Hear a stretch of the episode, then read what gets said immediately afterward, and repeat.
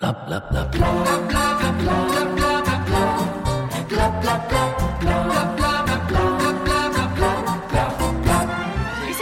du, hvis du sitter med sånn skalldyrplatå og to flasker champagne borte på fisketorget der, så heter det sikkert Gladmannen, Ja, tipper jeg. Men hvis du sitter og synger den der «Sjalalala», så er det mer Gladmannen, da.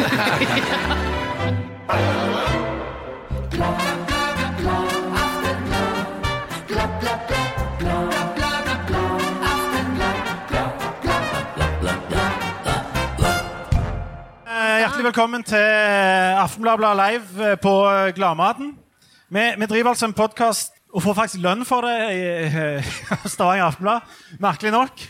Mitt navn er eh, Leif Tor Lindø, og jeg har med meg siden jeg ikke fikk tak i noen gode, så har jeg med meg de jeg pleier å ha med. Eh, her sitter altså selveste eh, professor og forfatter Janne Stigen Drangsholt fra Sandnes.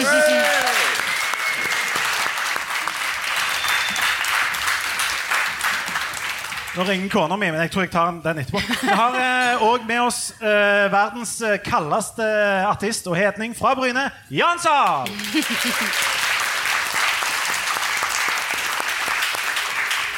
Og så har vi gravd virkelig dypt. Det er jo mange som sier nei til å være med her, men vi har med Harald Birkvold, som er nest etter Vår Herre, men før paven nå. Han er nyutnevnt politisk redaktør i Stavanger Aftenblad. Harald Birkvold!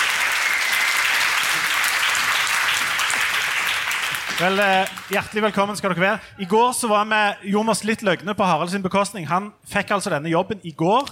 Han har til nå eh, i Aftenbladet drevet mest sånn forefallende og, og kopiert. Altså, det, er- det er vel sånn. en slags vaktmesterjobb du har hatt så langt i avisa. Ja. Ja. Jeg har hatt mye med å rydde på hyttene og sånn. ja. Men, eh, og vi skal, vi skal jo behandle deg med den respekten du fortjener i dag, siden vi ikke gjorde det i går. Og Eh, vi må, det er- vi må jo introdusere fjerdemann. Eh, en mann som det er veldig vanskelig å komme på noen spesielle egenskaper ved, men han heter nå Leif Tore Linde. Han sitter der. Tusen takk.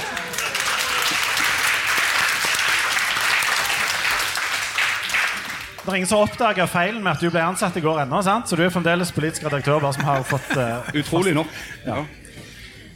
det er ikke en teknisk feil? eller... Det kan være et eller annet teknisk, men jeg har i hvert fall, foreløpig så er jeg der. Ja. Ja. Det Jeg tror de kan ha rota med søknadene. For du vet, Hvis det kommer inn mye søknader, sant?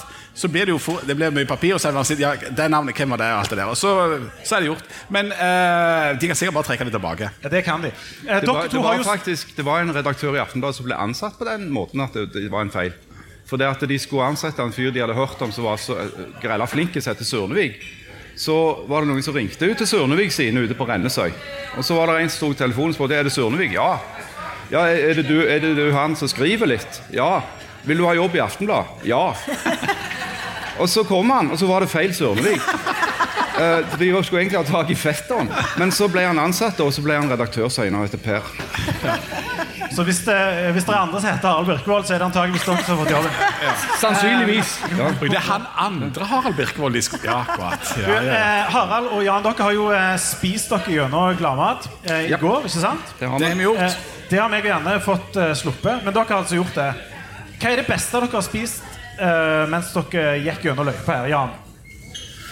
Ja, jeg ga jo to seksere. Den ene var til noe meksikansk. Jeg tror det kanskje var det beste. Altså, eh, Når det er sånn knallvarmt og, og, eh, og litt sånn svett, og sånt, så er det utrolig fint å få meksikansk både en liten forrett, altså i en slags tomatsuppe som ligner litt på gazpacho med noen reker i. Og så en dessert fra Sidis Gelato. Altså, eh, forretten var fra Casa Salsita, og, og, og desserten var fra, fra Sidis Gelato. Altså en, en um, sorbet av margarita, som jo er en god eh, drink, med litt eh, tequila. i. Da fikk du litt sånn kjølende, friske smaker. Det var Altså jålemat. Jålemat. eh, hva, spiste du, eh, hva er det beste du har spist? Er det sånn skum og blomster og håndmasserte kveiter og sånt? Det var en kveite som var veldig god, men jeg tror kanskje favoritten min var den der ørreten på Fisketorget. Eh, For jeg synes den var både Altså Det var en perfekt tilberedt ørret fra Sirdal, men så var den òg med en litt sånn Altså Det er det jeg ofte liker når jeg smaker noe på skalamat. Så skal det være noe du ikke har smakt før. Kanskje det overrasker overraske deg litt. Og Der var det en slags eh, saus basert på jalapeño eh, som du skulle tro ville krasja veldig med noe så mildt som ørret. Men det fungerte forbausende bra. Det var veldig, veldig bra.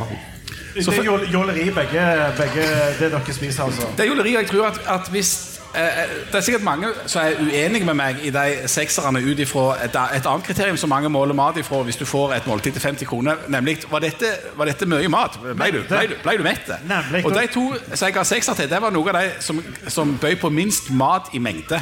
Men det var eh, godt på smak. Men det er jo kjennetegnet for jålemat. det er at Det er bitte, bitte lite, du blir ikke mett, og så er det knallbyrt. Ja, så er det jo sånn også at hvis, Når du er ute for å spise kanskje 30 småretter på én dag, så setter du veldig pris på de små. Ja, ja. Du, Vi skal ha en liten meningsmåling. Eh, hvis dere fikk velge mellom vel, eller mye ganske god mat til en sånn middels eh, til, til samme prisen som bitte lite kjempegodt, hvem hadde valgt mye mat? Ja. Ok, Vi har fem ærlige folk her, som er løgnere. Janne, meg og deg er jo folkets representanter her. Det stemmer. Ja. Og i går så skulle jo jeg kjøpe noe ost på, her på Gladmaten. Men for det første så fant jeg ikke den der dumme ostebua. Eh, og så når jeg fant noe som jeg tror kanskje var ost, så var det så lang i kø. Så det endte opp med at jeg kjørte til Marie Ro og gikk på Helgø. Det er, det. Det er en, annen, det er en sånn gladmatopplevelse jeg ofte har. Og det er at du går her, og så går du og går og går og går. og går og går Så ender du opp med å gå mye mer enn du faktisk spiser. Og til slutt så kapitulerer du på lavt blodsukker og trykker i deg åtte vårruller. Hvem har gjort det her? Ok, vi uh, skal ta en liten ting til før vi tar med dagens gjest. Ja. Fikk, har dere lest da, uh, NRK publiserte nettopp en sak som handler om jordbær. Så dere den?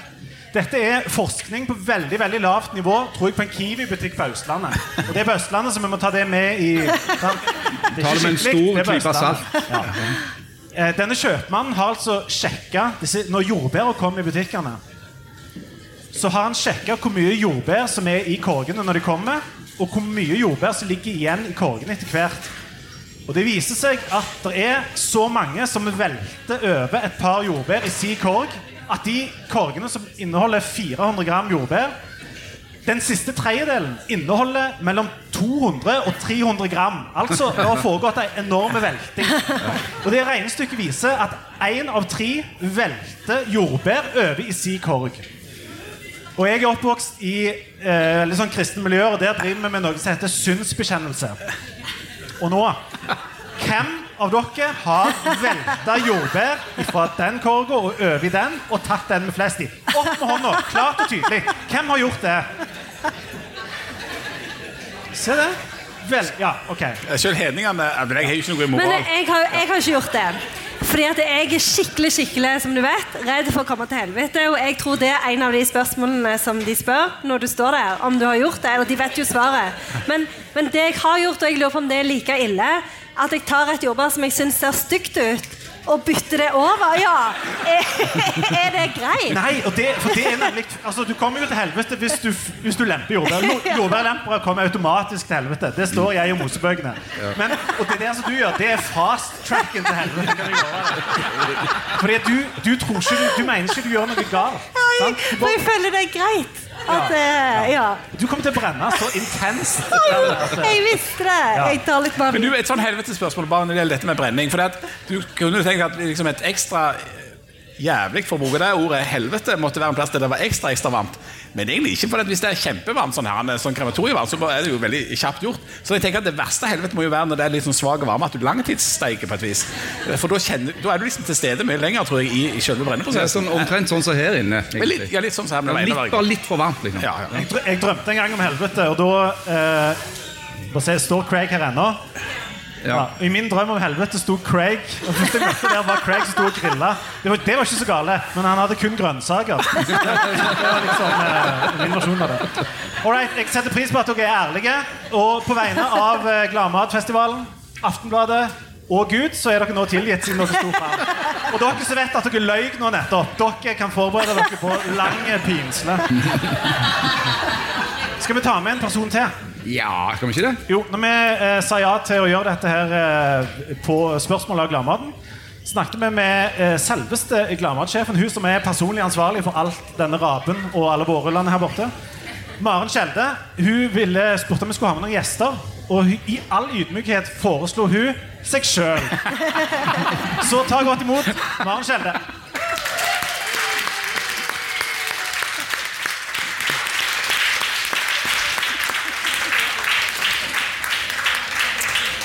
Ja, Maren, du liker jo veldig godt å stikke deg litt fram.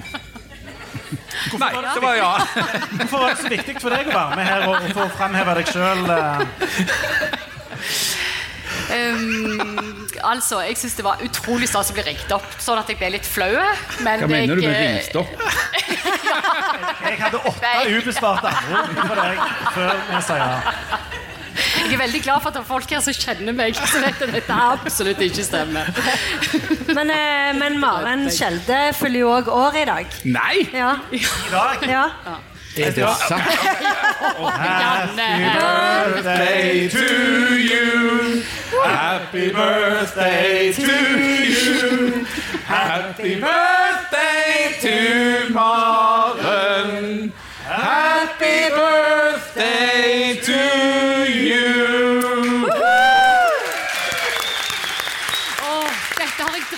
jeg. Altså, Vi er her for å oppfylle dine drømmer. Det var derfor du ville være med.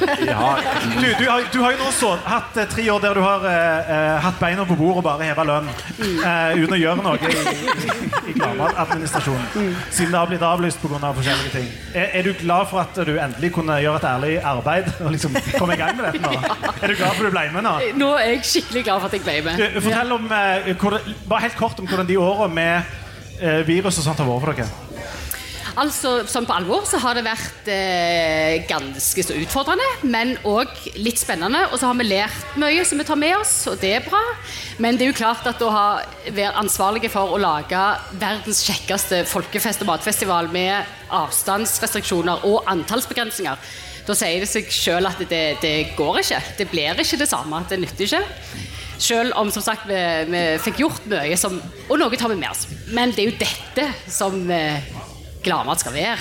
Ja, og nå er det jo my like mye korona som det var på høyden i vinter. Når alt var ulovlig. Kom her og, og spre rundt. Men eh, er du fornøyd når du ser hvordan det har blitt, og hvordan folk har det? og sånt? Blir du glad inni deg? Ja, faktisk. Jeg hadde ikke trodd det. Altså, Jeg har vært helt utrolig nervøs i forkant for at det ikke skulle komme folk. Helt sånn på alvor.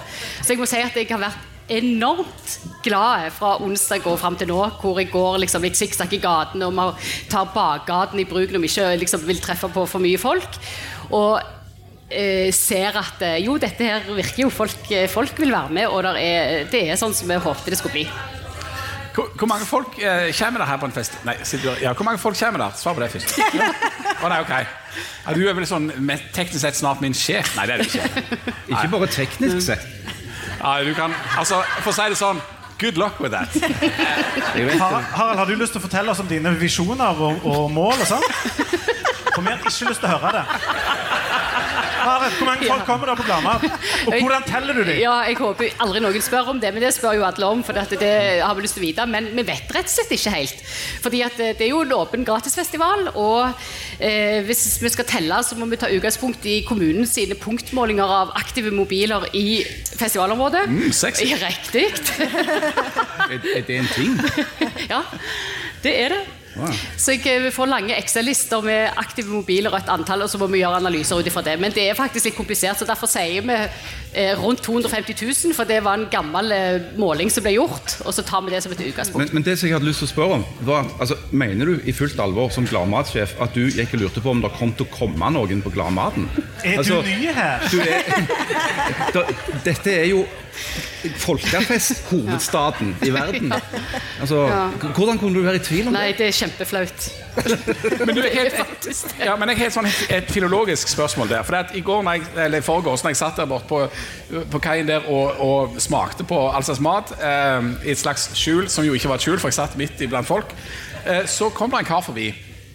Og så, som da hører på, på Bladblad, og sa at han hadde altså et språkspørsmål som han egentlig ville ha en professoruttalelse på. Og han lurte på heter det gladmat eller heter det Gladmaten. Han mente at Gladmat er et offisielt navn, mens Gladmat er mer sånn folkefestaktig. eh, Liksom. Um, skal vi ha professoren, eller skal vi ha festivalsjefen først? Eh, Festivalsjefen, fra, fra vår side i hvert fall, så har vi alltid lurt på vi, For vi, det er jo gladmat. Ja. Og jeg sier gladmaten litt på tull. Og så sier Ness veldig, veldig mange gladmaten Ja. som et innarbeidet ord. Og vi har tenkt at men det, det nytter ikke å, å, å liksom irettesette eller si at nei, dette er gladmat, ikke gladmaten. For at, eh, det er innarbeidet, tror jeg. Ja. Men sånn Altså, språklig altså, sett så aner jeg ikke. hvis du sitter med sånn skalldyrplatå og to flasker champagne borte på Fisketorget der, så heter det sikkert Gladmaten. ja. tipper jeg. Ja, men Men hvis du sitter og synger den der så er det mer Gladmaten, da. Men Janne, du som har greie på, på dette med Vet du, språk shut the fuck up. Jeg er ikke professor i lingvistikk. Altså, Hvor mange ganger men Hvor lenge har vi holdt på med denne fuckings podkasten? Men du er jo Jeg er professor i lingvistikk. litteratur. Har de som bryr seg om hva Janne egentlig er professor i. Det ser du, nemlig. Svar på spørsmål, ikke vær vanskelig. De, de som banner, har dårlige ord for oss. Jeg er ikke professor i lingvistikk. Jeg nekter å svare på eneste spørsmål om komma, og bare slutt Ja. med det. Men om språk det kan du jo svare på. Er det gladmat eller gladmat? Heter det folkefest eller folkefest? Jeg går nå snart. Og så kan dere sitte der. Harald òg truer med å gå men vi blir aldri kvitt han. Så dette må bare stikke for min del. Um, du, Gladmaten er jo en Ja, der sa du gladmaten. Ja, Gladmaten. Det er det det heter. Jeg, Jeg bryr meg ikke. Jeg Top bryr of meg the face ikke om eller hand eller hva det heter. Um, det er jo en blanding av eh, en sånn faglig gourmetfestival og en folkefest. Jeg er jo eh, ansvarlig for den rogalandske folkefestskalaen. Den går fra 0 til 5. Det er kun to ting som er fem. Det er Mods-konsert og gladmat. Null Jeg skal ikke si hva, hva det er, men dere skjønner alle hva som ligger på null. Dette ligger på fem. Men inni der skal du òg ta vare på eh, feinschmeckeriet og eh, gourmetene og de som eh, vil ha mer enn Living Next Door to Alice til fire vårruller. sant? Hvor- Det, det, det høres for meg ut som en veldig vanskelig balanse. Hvordan Ja, gjør men, dere det? eh, altså Det gjør jo faktisk vi ikke så veldig mye med. Det ordner seg ganske godt sjøl. Og det tror jeg jo litt er fordi at eh, Og dette får du lønn for. Det er jo helt Fordi at Du, restaurantene er jo så interessert i å være med, og jeg syns det er ganske eh, fint å se at du har Michelin-restauranten vegg i vegg med thaisjappa, og at den bredden er der. Så det tror jeg vi skal være ganske stolte over. Jeg vet jo at det, det er gode matfestivaler overalt. Og vi kan jo skryte av Folkefesten, og jeg elsker at det er innimellom en sur Tore Tang-versjon. Fordi at det, det sånn er med, og det vil folk ha. Og så skal du ha på en måte litt andre enden av skalaen òg. Så den bredden tror jeg vi skal være litt glade og stolte av. Harald, du er jo i ene enden av denne skalaen. Jeg er, jeg er i begge. Jeg er et renessansemenneske. Ja, selvfølgelig. Ja. Men greia er at jeg kjenner ganske mange kjøkkensjefer etter hvert. Eh, og jeg vet hvilke matvaner de har. For det, går mye mer vårruller der enn det gjør sånne greier med skum. Eh, så hvis matvanene til de som lager den der skummet, eh, skulle være en rettesnor, så tror jeg vi kan konkludere nokså knallhardt med at det er plass til begge deler. Men, men det er, er et snev av em, Et slags jåleri rundt mat, ja. Er det ikke det? Altså, Absolutt. Det er jo en eh, markør, en slags identitetsmarkør. det er jo Hvis du setter pris på det der skum og noe, som, noe ting som smaker litt sånn komplisert, ikke nødvendigvis veldig godt. Jeg, jeg har hatt matopplevelser som er sånn jeg, at jeg syns de var interessante heller enn at det var veldig godt. Eh, og da skal du nok være litt sånn spesielt interessert for at du setter pris på det. da Og, og, og dette gjenspeiler seg jo når vi da går rundt og smaker. Eh, for vi representerer jo da jåleriet, for vi er jo terningkast én til vårrullen eller den slappe eh, løkringen. sant? Mens vi setter pris på det der med bitte lille greiene. Så, så, så, men det er jo en tilnærming. og Jeg syns det er veldig bra med bredden, men jeg håper jo at, at, eh, at de med vårrullene òg får solgt i. Ja, ja, og det er noe av det som er aller mest komplisert med å anmelde mat. Det er at du skal anmelde en rett på retten sine egne premisser. Altså, I teorien så kan en vårrull få terningkast seks, selv om jeg ikke helt klarer å forestille meg det. Eh, eller en burger, si. jeg. For det handler om om du har behandla den retten med den respekten han fortjener. At du har behandla råvarene riktig, at det smaker skikkelig godt. Sånn at eh, du er jo nødt til å, å ta det for det det er. Sånn. Eh, hvis ikke så ville det jo vært helt meningsløst å drive og mene noe om mat i det hele tatt. For det, for det både, altså både den kompliserte maten og den liksom enklere maten, eller den, den, altså om det er burger eller pizza eller om det er vårrull Alle slags typer mat kan jo lages kjempebra. altså lages Det er det som er mitt Ja. Ja, sånn at du, du merker jo eller jeg håper vi merker i hvert fall på en måte Der en har gjort seg litt sånn føre og gjort det skikkelig. For all, absolutt alle typer mat, om det er jål- jålete eller folkelig, kan lages godt. vil jeg Ja, jeg mener, det var jo eksempel to burgere husker jeg, tror jeg jeg husker i hvert fall, fra denne gladmaten som fikk terningkast fem. Den ene hadde riktignok litt trøfler på seg, sånn, men altså, det var nå en burger. sant? Noe kjøtt mellom to boller. Janne, hvor Eller viktig, inn, inni en bolle. hvor viktig er det vi spiser, tror du, for eh, på en måte eh, måten vi ser på oss sjøl på, å plassere oss sånn sosialt? For det, jeg tror det, det betyr litt. Ja, ja, det betyr kjempemye. Og det er jo for em, det, sånn så, det, I USA for så er det jo en eh, veldig sånn tydelig indikatør på hvor du er liksom sånn plassert sånn klassemessig. Men, men, men selvfølgelig òg her så, så viser det, jo, det viser jo hva klasse du tilhører. Det viser jo, men det betyr jo selvfølgelig noe òg sånn hvor godt du føler deg. Altså Du føler deg jo bedre når du har spist noe sunt enn når du har spist bare, bare dårlig. Du, altså I USA, rent sånn, hvis du snakker om at om, om identitetsmarkører er noe visuelt, det er noe som er lett å farge på, så er jo identitetsmarkøren for å ta litt i at um, klassen viser seg i at um, noen er enormt tjukke, og noen er enormt tynne. Og det er helt motsatt av sånn å skulle tro, for det er de fattigste og de mest ressurssvake som er tjukkest, og så er det et statustegn at du har en tynn kropp som, som er sunn. Altså det er helt sånn motsatt av det du skulle tro i en verden der det eventuelt om det måtte være noe slags matmangel. Men, men den billigste maten er, er det i store mengder av, og den er det kolossalt mye fett og sukker i. Og så får du den helt merkelige tingen at de som har minst penger, er de tjukkeste. Og da er vi inne på mat som politikk, og vi har faktisk med oss en som har greie på politikk. Jan Sahl. Ja. Nå, nå skal Harald få lov å slippe til litt. Han, er jo blitt, eh, han har jo fått enormt mye mer lønn siden i går. Han får jobbe litt for den lønna, da. Um, matpolitikk. Hvor, my hvor mye kan um, hvor mye kan på en måte ordføreren og de som sitter i teknisk utvalg i Forsand kommune, bestemme for hva slags helse jeg eh, ender opp med? Hvor mye kan politikerne egentlig gjøre med mat?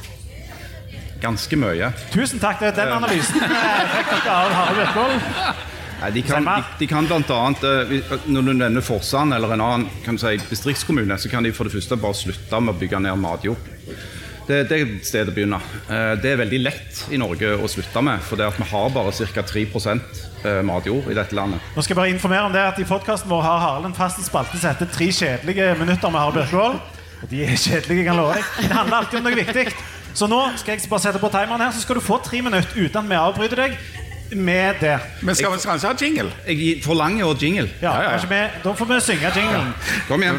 Men alle kan den kanskje? Ja, det kan være på jingle. Take it ja, away. Ja, så vi blir allsangere.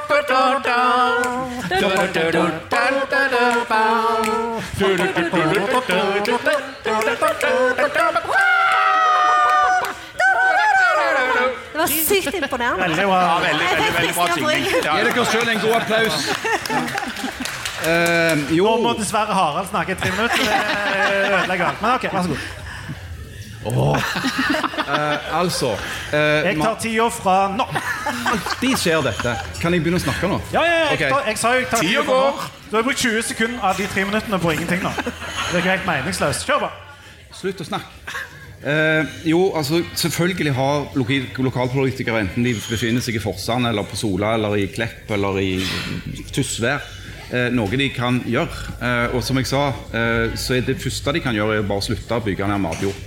Eh, det skjer dessverre altfor mye, i altfor stort omfang, og i én og én sak. Eh, og til tross for at det har vært de skiftende regjeringer som har hatt strategier for hvordan vi skal unngå å ødelegge matjorda vår, så blir ett og ett jorde, én og én jordlapp, omdisponert, som det heter på byråkratspråk, til andre ting enn matproduksjon. Og Det tenker jeg er fullstendig unødvendig i et land som har så lite matjord som Norge. Eh, bare ca. 3% av Norge går det an å dyrke mat på. Det går an å dyrke gras på et litt større område, men menneskemat ca. 3% Da er det en ressurs som vi er nødt til å verne som om, man, som om det sto om livet, så å si. For det, at, det vi vet, er at Verdens behov for mat kommer til å øke dramatisk. Verdens befolkning kommer til å øke med 2 eller 3 milliarder de neste 20-30 åra. Så det betyr at alt, alt det arealet som er disponibelt for matproduksjon, det må forbli disponibelt. Eh, og når du da topper det med at du har klimaendringer som gjør at eh, verden sin evne til å produsere nok mat til folk kommer til å forandre seg. Noen steder vil riktignok bli mer produktive, men andre vil bli mye mindre produktive. Så sier det nesten seg selv at det er det stedet du må begynne. Eh, og så har du jo selvfølgelig også noe som politikere kan gjøre med det som heter matsikkerhet og matberedskap. I Norge så har vi jo f.eks. avvikla beredskapslagrene for korn. Noe som gjør at vi i en situasjon som nå, da, med eksportproblemer i Ukraina, eh, ikke har muligheten til å trekke veksler på et sånt lager. Eh, så, så det, der kan myndigheter på lokalt plan òg gjøre ganske mye. Eh, og så En annen ting er jo selvfølgelig landbrukspolitikken. Altså Sørge for at det lønner seg å produsere mat. At bøndene får betalt for den jobben de gjør med å lage maten som vi spiser. Um, og det, det, kan du se på Jeg så uh, forleden på en avis fra min 18-årsdag i 1985. Uh, og Da så jeg at de hadde svinekoteletter til 69 kroner på en eller annen butikk. Det, de koster fanden meg mindre i dag enn de gjorde for 35 år siden. Uh, det betyr jo at noen har tatt den regningen. Ikke sant? Det sier seg sjøl. sånn at de to grepene der, verna matjorda og hegna om de som lager maten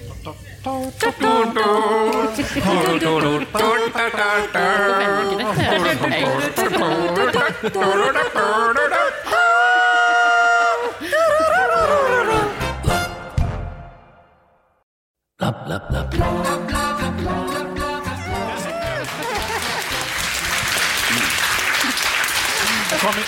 kom ikke her og si at vi ikke behandler våre sjefer med respekt. Ja, Det som var veldig fint med, med alt du sa nå, det var jo at vi kunne få litt mer å drikke. Så det, det setter vi veldig stor pris på. Men, men løsningen på alt dette er jo da eh, alt det som er inn eh, i sånn eh, matsammenheng, nemlig stordriftsfordeler, industrialisering og mye mer bruk av kunstgjødsel. Ja, altså du må gjøre det òg. Jeg, jeg, er ikke noen sånn der, uh, hippie. Altså, jeg mener at uh, Hvis du skal klare å lage nok mat til nok folk, så er du nødt til å bruke industrielle virkemidler for å få det til. Ja. Uh, jeg har ingen tro på for noen som begynte å bable om at nei, ja, og nå er det litt vanskelig med mat, alle må begynne å dyrke sin egen mat. Drit i det, da. Det er ingen som kommer til å klare det. La, altså, du kan klare å lage noen reddiker, kanskje. Da. Men du klarer ikke å lage nok mat til at du har mat til deg og hele familien helt år. Det er umulig. Hadde, jeg kan fortelle at har, har Jeg hadde fem jobber eh, i dag eh, som vi har grodd sjøl. Så vi er jo så godt som sjølforsynte. Ja, jeg, jeg, jeg, prøvde å lage meg ruccola, og det eneste som skjedde, det ble en sånn lange stranter som begynte å blomstre. Og da viste det seg at ruccolaen gikk ikke an å spise lenger. Vi, vi, vi, lagde, vi, lagde, tomater et år i en slags iver av et eller annet. Jeg tror vi brukte 150 000 liter vann på, liksom, hver dag i månedsvis for å få noe sånn bitte, bitte små sånn knurter som mat. Vet du hvor mange, vet du hvor mange liter vann du trenger for å lage én avokado? Ja, sånn 100, eller 1500 eller 150. Mye, mye mer vann enn de har i f.eks. California. Ja. Da, er, da, er, jo alternativet da, sånn lokalprodusert mat. Og det er jo noe som folk på Gladmat gnåler hull i hodet på oss med. Det er fra, alt, eh, alt er fra Brimse, har jeg til. Stort sett alt. Er det noen av dere som har sett etter Brimse noen gang? Absolutt alt er fra Brimse. Og Hvis det ikke er fra Brimse, så er det fra Hummersåk. Ja. Hummersorg har jeg sett. Det anbefaler jeg ingen å se. Men, men jeg har inntrykk av at Brimse er på størrelse med Argentina og står for alt. Hvorfor er det så enormt viktig at vi skal vite at uh, ja, denne her uh, håndmasserte snøsokken er oppvokst på Brimse, og bonden heter Oddvar og er søskenbarnet hans. som altså, øh, Da vil jeg heller ha en avokado. Jeg synes, da syns jeg du tøffer deg litt. Ja, ja. For det er jo klart, det er jo sykt mye kjekkere å sitte på en restaurant når du får høre ja. Nei, når du får høre historien om maten du spiser, og du får høre litt om bøndene og du får høre litt om produsenten, det gjør det kjekkere. Det syns dere òg når dere altså, er ute. På sånn matfint så heter jo dette terroir. Altså, som jo er en hver... Ikke lov å dikte opp ord, bare. altså, Enhver franskmann vet hva det er. Altså, det betyr opprinnelse. Altså At, du, du har, at maten du spiser, har en historie. At han, han kommer fra et sted. Eh, og at han har en identitet som handler om Og jeg tror at det er løgn når folk sier at de kan smake alt. Men det har en verdi å vite. At du føler deg vel ved å vite at nå spiser du mat som er typisk for et område, som er dyrka der, og at du ved å spise den maten òg støtter lokale produsenter og leverandører og kokker. Sånn altså Du er med i en verdikjede. Og Historiefortelling, er du professor i det, Janne? Nei. Eller Narrativ, da. Narrativ, okay. Hvis vi kaller hvis vi dikter opp noen ord for det. Så, eh, men eh, hvor viktig er det med historien rundt mat? Altså den der eh, Avokadoen får jo jeg aldri vite historien til, for den er jo ikke bra. Mens eh, det, er et sånn frityrstekt blomkålbit som da søskenbarnet den på Brimse har lagd. Hvorfor jeg blir jeg mer begeistra for det? Det er jo fordi at mat har jo mye med tilhørighet å gjøre. Og det er jo liksom det der med å kunne eh, Altså det er jo viktig for oss som mennesker òg. Sånn som i USA, for eksempel, hvis vi skal gå tilbake til det igjen, så er det jo et kjempeproblem med industriell landbruk. Eksempel, at eh, dyr blir behandla bare som ting, og at de eh, blir avla opp. og en bruker masse medisiner for å liksom, få fram kjøttet og sånn. Så det er jo det skaper jo en slags fremmedgjøring, da. Eh, helt utvilsomt. Og det, og det er jo liksom Men, men det er jo eh, Altså, Vi er jo avhengig av en viss grad av industrielt landbruk fordi det er så mange av oss. Men det er jo, en, en føler seg jo bedre hvis en vet f.eks. at eh, kjøtt altså, At dyrene har hatt det bra eh, på sin reise fram til å bli kjøtt. Eh, enn at de har bare hatt det helt forferdelig og, og grusomt. Samtidig er det jo en briljant forretningsstrategi at hvis du kan selge et egg for eh, dobbel pris fordi at du sier at høna har vært glade, eller vært frittgående, så tjener du mye mer penger. Og det er jo det som også veldig ofte kan skje. altså at Hvis du kan selge inn en god historie, så kan du ta veldig mye mer betalt for det. Og de fleste folk vil ikke kjenne forskjell på de. Nei. Um, Runar Døving, uh, som jobber Som har skrevet bok som heter et eller annet 'For rype til et eller annet annet'. Men altså, det, det eksisterer, eksisterer veldig mange sånne bilder av hva som er naturlig, og hva som er de gode historiene. De aller fleste folk klarer ikke, er ikke sjans til å skille en oppdrettslaks fra en villaks. Men villaksen er liksom kongen. Det er noe fantastisk, for det er noe kjempenaturlig. Men den der eh, oppdrettslaksen Det er mye stygt å si om oppdrettsnæringa, men eh, den er jo blitt ala fram eh, på dramatisk vis for at den skal være helt sånn perfekt etter sånn matgreie som vi egentlig liker. Men det vil vi ikke ha, for det er havets pølser, og det er manipulert, og det er drit og lort. Sånn at, at, at Det er jo balansegangen. Altså, mye av melka jeg tror vi drikker ifra Tine, er jo økologisk og god melk akkurat like god som den som blir solgt for fem kroner mer fordi det står økologisk melk på utsida. Eh, de har liksom tømt oppi den samme baljen. Så, så det er liksom hva er det som er bare jålete, eh, kapitalistisk, narrativ eh, fortelling som Jo. lurer oss, og hva er det som er faktisk noe som, som gir et resultat i hvordan det smaker, eller hvordan det er? da? Men det er jo veldig interessant, fordi at det er én ting med Alt jeg sier er smak- med hvordan det smaker. Men, men en annen ting er jo eh, at liksom for, for mat har jo blitt en del av problemet mye. Fordi at, eh, fordi at en, en er redd for å bli syk av mat, en er redd for at en ødelegger miljøet ved å spise mat, en er redd for mange slags, en er redd for å drepe ungene sine ved å gi dem eh, eh, dårlig mat. Så, så det er jo så, så det der med å Det ene året når vi skulle kjøpe kalkun til nyttår, så kjøpte vi en sånn en kalkun som kosta sånn nesten 2000 kroner. Fordi at den Janne hadde hatt det så- enormt rik. fordi at den hadde hatt det så utrolig bra, og den heter Ulrik. Eh, og hadde bare hatt et drømmeliv på spa og liksom blitt eh, mata all slags sånne flotte ting. Og det var jo delvis altså, Det var ikke så mye pga. smaken, selv om vi regnet jo med at den smakte veldig godt. da Men, men det var jo fordi at eh, du har lyst til å belønne eh, produsenter som, som har en sånn en eh, trygg og fin og eh, økologisk måte å Ja, oppdra dyrene sine på. Ja, jeg forstår det, men samtidig så er det så utrolig mye lyging om dette her. Altså, Når noen sier at de har lykkelige høner så Høner lever i industrielt landbruk korte, veldig kaotiske og dypt ulykkelige liv.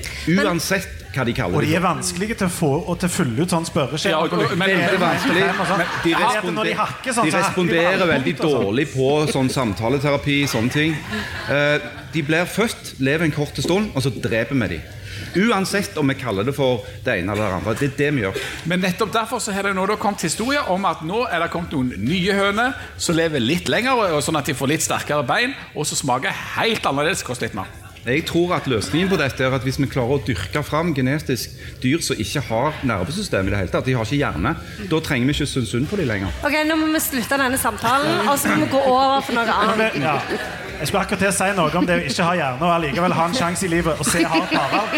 Men jeg, skal, jeg holder meg jo for god til det. Eh, bare, eh, vi skal avslutte den, men er, er Nå skal du få si noe alvorlig, Harald. Ikke tre minutter, men ganske kort. Er det sånn at eh, god og sunn mat òg i Norge kommer til å bli eh, eh, en ting for de som har mye midler? Altså for vi som er rike?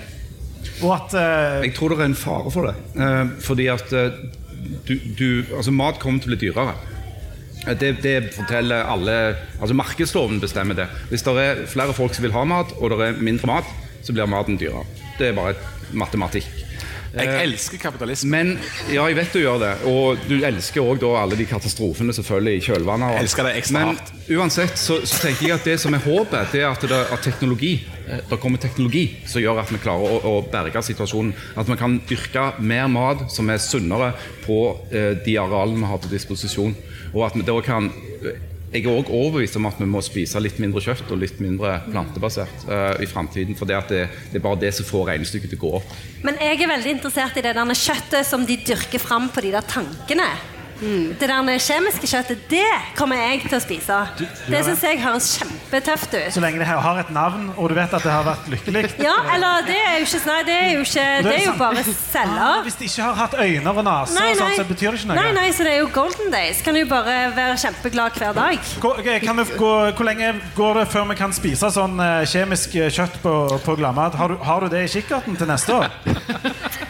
Du, det var faktisk jeg som snakket om akkurat det for et par år siden. Om hvordan de skal jobbe fram genmodifiserte burgere. Og de er jo i gang med det i, i prosjekt. Jeg tviler på at det kommer til å bli en sånn køen som de har forbi Fisketoget nå, f.eks. Etter gode anmeldelser i aviser, så ser dere hvordan publikum beveger det er seg. Men Tenk hvis det er kjempegodt, ja. Ja, det, men jeg kan spørre om en ting. Altså, hvis jeg kan be én ting. Ikke noen gang mer ha sjøpølser. Det, det er ærlig talt det aller verste jeg noen gang har smakt. Og det betaler de titusenvis i ja, kroner for i gjør det Japan. i, ja, i For de Asia. gjør de at det. eh, Men de fikk ikke markedet til her, altså. Det Men- forstår jeg godt. Ja, ja, ja. Det er, det er helt sant. ja, det er 18-årsgrense på dette. Vi kutter det sjøpølsesnakket der, faktisk. Men du, du nevnte Har du smakt det, Harald? Oh, yes. Er det det verste du noen gang har smakt? Ja. Er det det? ja, ja, det er en, står i en egen klasse. Maren, hva er det verste du noen gang har spist? Jeg smakte ikke på den sjøpølsa. Det kan Det godt være smakte, det det smakte som veldig, Slutt å veldig snakke om seigt er unger eh, Det smakte som veldig seigt viskelær dypt i tran. ja. Men, hva- men hva er det Nei, verste altså har jeg tror eh, Og det er også gjerne litt flaut, men jeg tror jeg må si noe greier jeg har prøvd å lage sjøl. For at jeg er helt enormt dårlig å lage mat. Eller jeg var helt enormt dårlig å lage mat. Men for fem år siden så begynte jeg å, å lage litt mat. så nå er jeg litt flinkere. Det, det verste Men du jeg har spist, er ting du har lagd Ja, noe greier. Ja. Jan, du har jo vært ute og spist i hele verden. Hva er det verste du har kommet over?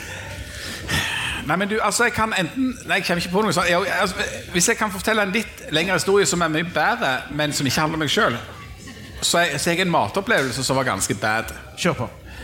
En kompis av meg var akkurat ferdig å studere. Han hadde flytta til Oslo, var på leit etter en jobb og fikk sin første jobb. Altså, han hadde ingen penger, eh, men han skulle snart få penger. Eh, Og så hadde han òg en, en kjæreste, ei, dame som, som det hangla litt med. Liksom passer godt. Men så tenkte han at han skulle feire dette med at han nå hadde fått seg jobb og liksom skulle komme i gang. Og prøve å redde dette forholdet. Så da fant han ut vi må gå på fin restaurant. Dette var på 90-tallet. Han hadde fått med seg at mat var litt sånn i skuddet eh, borte i Oslo. og sånt. Hun kom reisende, eh, hadde på seg eh, de klærne hun hadde hatt på jobben, som i dette tilfellet var ei sånn lusekofte. Litt sånn strikka, uformelt eh, greie. Han, han lot dette være en overraskelse. Han nevnte ikke noe for, for henne om dette. Så de var på, vi var på fredagspilt på Justisen, og så måtte de gå. Og så viste det seg at Han hadde ikke spurt noen som visste noe om dette. Han hadde bare fått med seg at det fantes en voldsomt god restaurant i Oslo som heter Le Canard. Som er noe av det fineste som da eksisterte på det tidspunktet. Han tar med seg hun her dama i lusekofta på Le Canard uten at hun visste det. Og så er det sånn at damer er ofte sånn at hvis de har på seg f.eks. lusekofta og kommer på en Michelin-restaurant og ikke visste om det, så er det noen av de som blir noe halvsure og litt sånn morkne. Så hun satte ikke umiddelbart pris på dette, eh, denne ideen om at hun skulle sitte der i helt feil klær og få gourmetmat. Eh, men ok, så, prøvde, så han prøvde liksom å Ja, ja, men det er ikke så farlig. Og prøvde å få henne til å, lysne litt opp. Og så sa hun til slutt at ok, ja, ja, da, da får prøve. Så hun òg tok seg sammen, da. Så fikk de presentert da eh, menyen, og han her karen her hadde vært og forberedt seg. Han hadde vært og lest menyen og sett hvor mye ting kosta, og hadde skrapt de sammen så han hadde akkurat at dette skulle gå akkurat bra, for han hadde jo ingen penger. Eh, så kom det en sånn kelner i sånn her en, eh, flott uniform og med, med tversoversløyfe og sånt, og spurte om de var interessert i vinkartet. Eh, og det hadde ikke han tenkt så mye på, egentlig, men da sa hun, da hadde hun løsna, så da sa hun ja da, ok, greit. Så fikk hun vinkartet, og så var jo han anbefala. Så anbefalte han en god vin. Og når min kompis da fikk se hvor mye dette kosta, så innså han at jeg har ikke sjans. Så da gikk han ut av Le Canard praia en taxi. Tok taxi opp til Adamstuen, der han leide hos et søskenbarn som var tjukk i penger. Fikk lånt seg noen penger. Tok taxi tilbake igjen på Løkkanal. Kom opp der til hun og da var hun grunnsure, for det hadde gått så lang tid. Og han sa at han hadde vært på do og var litt dårlig i magen. Så han fikk aldri henne opp i humør igjen. Og han innså da på det tidspunktet at dette kommer ikke til å gå bra. Sånn at når de da kom og serverte noe sånn, voldsomt var sånn fancy med sånn klokka over, sånn, så og satte det fram og sånt, så tenkte han drit i, nå bare sier jeg det jeg faktisk har lyst til. Har dere ketsjup? og de kom med ketsjup i sånn, i sånn, her, sånn Med sånn klokke og sånn, sånn, og sånn. Så ganske sur på ham. Han tenkte fuck it, jeg bare, nå er jeg som jeg vil. Så gikk alle pengene, og forliket gikk i dass, og han fikk et minne for livet på Løkkanar. Janne, eh, har du noen sånne eh, matopplevelser som sitter veldig sterkt i deg? Det var en gang når jeg var på sånn eh, studieopphold i Japan, og så hadde jeg blitt kjent med ei der, og så skulle vi ut og spise med mor hennes. Og hun skulle eh, spandere på oss på en sånn sushirestaurant. Og da fikk jeg sånn levende reker. Og den eh, var liksom helt umulig å tygge. Så jeg bare tygde og tygde, han bare vokste og vokste i munnen. Og så tenkte jeg at det, hvis du kan liksom, du tygger litt, og så bare svelger du det. Men den var liksom sånn at han ble sånn bare større og større. Og jeg svelgte så jeg holdt på å dø i tillegg. Da fikk jeg sånn oppkast.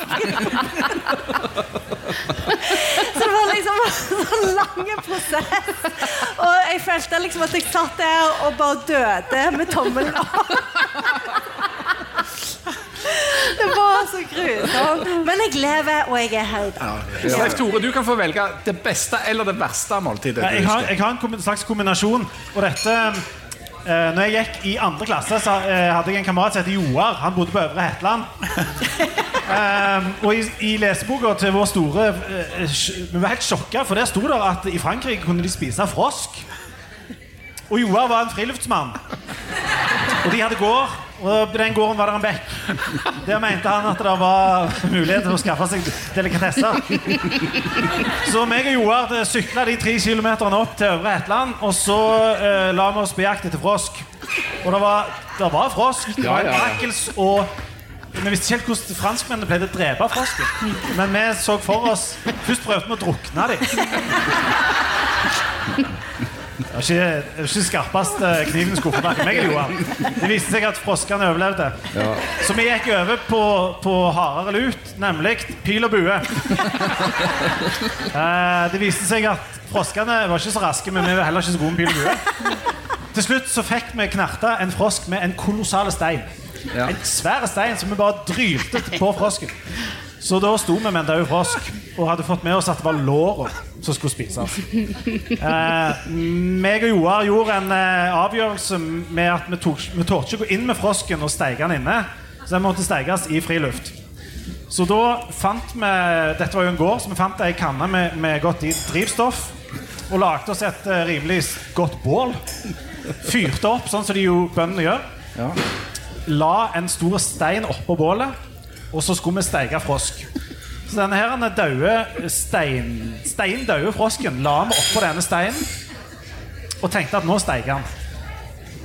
Og det gjorde han jo ikke, men på et tidspunkt så måtte vi bare gå løs på å spise dette. Så da tok vi en sjøldaue frosk, som nok var i padda, hvis vi skal være. Og bare ble enige med at nå gjør vi det. Så dro vi av hvert sitt bein, satte det i munnen og dro til. Den, frosk, den padda var iskald, overhodet ikke steikt. Eh, jeg eh, så på Joar, han så på meg. Ingen av oss torde å spytte ut, så vi svelget det ned. Og snakket aldri mer om det. Og jeg må si det, det smakte litt som kylling. Rå kylling, da. Rå kylling, ja. Men vi følte oss jo veldig sofistikerte etterpå. Så når folk spør eh, om jeg har smakt frosk Kanskje jeg har smakt frosk? Det, det tror jeg er det verste jeg har spist, men samtidig òg min, eh, min beste matopplevelse. Sånn er det. Fordi det styrker samholdet mellom deg og Joar. Nei, fordi at jeg kan fortelle den i festlig lag. Det handler mest om det. Jeg tror at det beste jeg har spist noen gang i mitt liv, det var en boks med joikakaker. Rett ut fra boksen. Uten bestikk. For da var det situasjonen som avgjorde det. ikke sant? Det var Situasjonen var at jeg ikke hadde spist på fire dager. Det var godt, det. Det var når vi var i militæret. Hvis, Så det, det betyr jo bare at hvis du er skikkelig sulten, så smaker det veldig mye veldig godt. da. er dere, nå, jeg tror det er folk er sultne her. Er det mer igjen av den der grillen der ute til Craig? Ja, Det er det. er, er Ellers så har jeg, eh, har jeg forstått det sånn at du har legger kort i baren nå, og så eh, bare spanderer på alle. Det, det? det ligger allerede i baren. Jeg vil bare si kodeord reklame at 2020. Så tar enten Maren eller Harald de to av oss som har eh, desidert best lønn. Eh, så skal vi avslutte med det, det var jo ikke noe overraskelse at du fulgte året, Maren. Eh, og du klarte jo å mase deg til å bli med her. På en betingelse at vi sang for deg to ganger. Nei. Så vi skal avslutte med å reise oss opp og synge en gang. Skal vi ta den norske nå? Nå skal vi ta den norske. Re- Reis dere opp. Kom igjen. Hurra for deg som fyller ditt år, ja, deg må vi gratulere. Alle Fantastisk. Okay. Takk for i Tusen dag. takk. God tur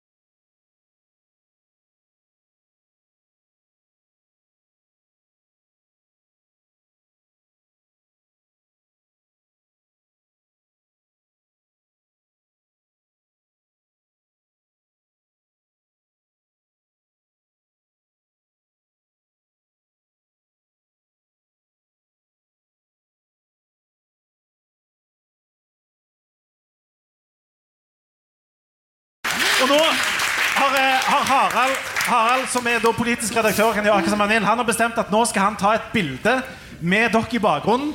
Og Mm. oss foran her, sånn som popstjerner gjør, for dette er den eneste gangen han får lov å skinne. Så hvis dere kan fortsette å stå, så skal Ja. Harald nå ta det bildet sånn som han har sett populære folk gjør på er fjernsyn. Jeg har sett eh, Stavanger-kameraten ja, gjøre det Ja, det gjør det også. Så vær så snill å ikke gå med en Ja. gang, sånn som dere egentlig har mest lyst til. Så da må dere være med bak her. Ja, skal det vi stå ikke nede her? hva skal vi gjøre med dette? Ja, du må ta fram et kamera. opp. Harald er en naturlig popstjerne. Sånn, ja. Ser du det? Dere må være med, da. Ja. Jeg er med. Gjør sånn. Gjør sånn. du-